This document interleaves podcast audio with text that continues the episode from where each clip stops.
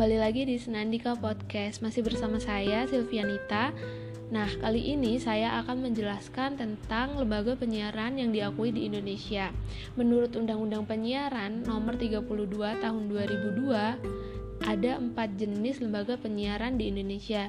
Yang pertama ada lembaga penyiaran publik atau yang sering disingkat dengan LPP.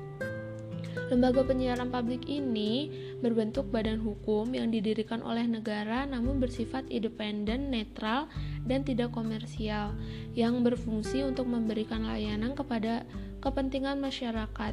Nah, di daerah tingkat 2 atau kabupaten bisa didirikan lembaga penyiaran publik daerah atau lokal. Contoh dari lembaga penyiaran publik yaitu TVRI dan RRI. Nah, selanjutnya ke lembaga penyiaran kedua yaitu ada lembaga penyiaran swasta. Lembaga penyiaran swasta yang bersifat komersil berbentuk badan hukum Indonesia yang bidang usahanya hanya radio dan televisi. Warga negara asing dilarang untuk mengurus lembaga ini kecuali keuangan dan teknis. Pada pasal 18 Undang-Undang Penyiaran, pemusatan kepemilikan dan penguasaan lembaga penyiaran oleh satu orang atau badan hukum baik dalam satu wilayah siaran dibatasi. Kepemilikan silang antara lembaga penyiaran swasta yang menyelenggarakan jasa penyiaran radio dan penyiaran televisi antara lembaga penyiaran swasta dan lembaga perusahaan media cetak baik secara langsung maupun tidak langsung dibatasi. Ini bertujuan untuk mencegah terjadinya pemusatan kepemilikan. Nah, lembaga penyiaran itu menggunakan frekuensi publik. Karena frekuensi publik harus ada dua divers diversity. Yang pertama, diversity of content atau keberagaman konten. Nah, yang kedua ini diversity of ownership. Jadi keberagaman kepemilikan.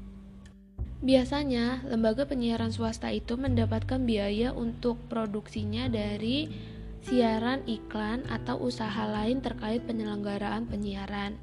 Nah, yang ketiga ada lembaga penyiaran komunitas. Nah, lembaga penyiaran komunitas ini berbentuk badan hukum Indonesia yang independen tidak komersil dengan daya pemancar yang rendah, luas jangkauan yang sangat terbatas, dan melayani komunitasnya.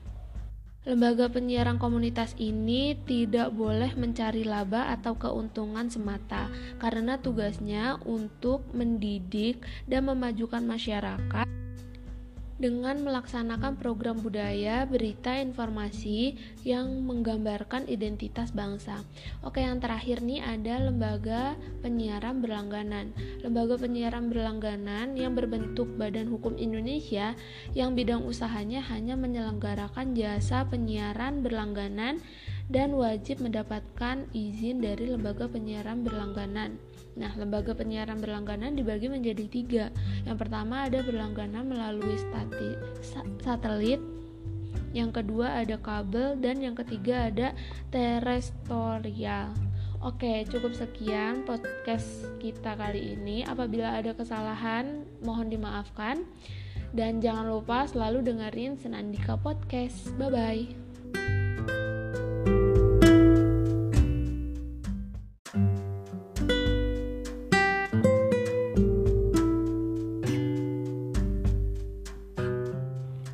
Hai, kembali lagi di Senandika Podcast. Oke, kali ini aku bakal ngebahas tentang jenis program siaran. Nah, khususnya di Indonesia. Di Indonesia itu banyak sekali jenis program siaran. Di antaranya ada hard news. Hard news di sini adalah semua informasi penting dan menarik yang harus segera disajikan.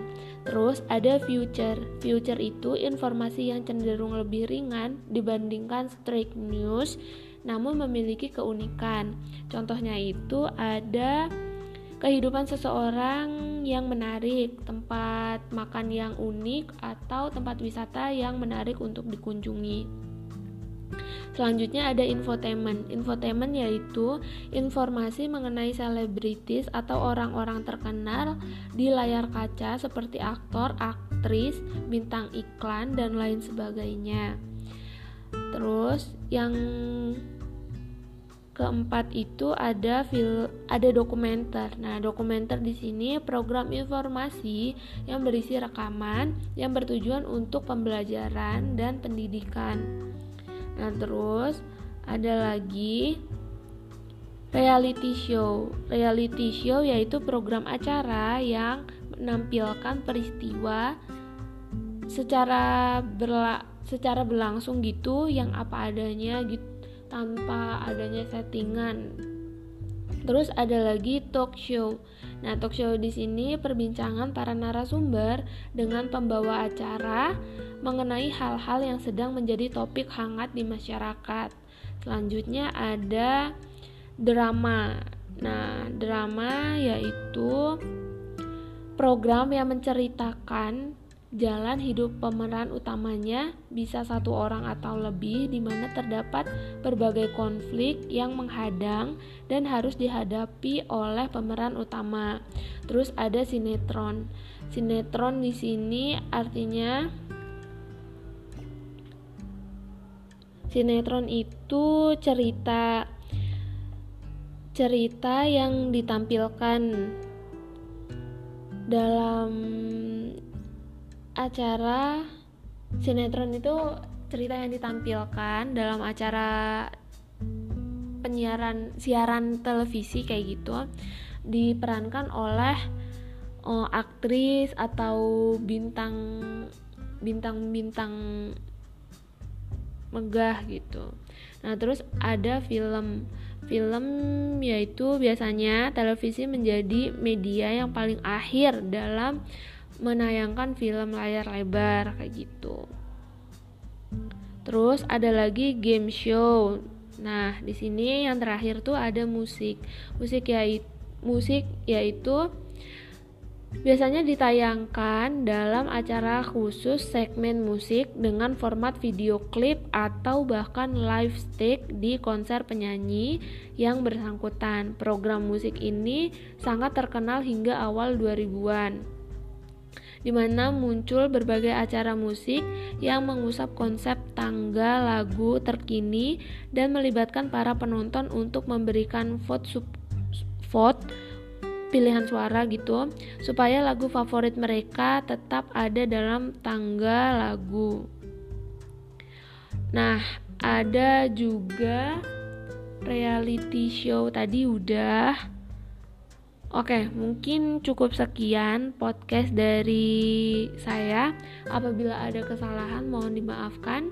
Jangan lupa selalu dengerin podcast Senandika. Bye bye.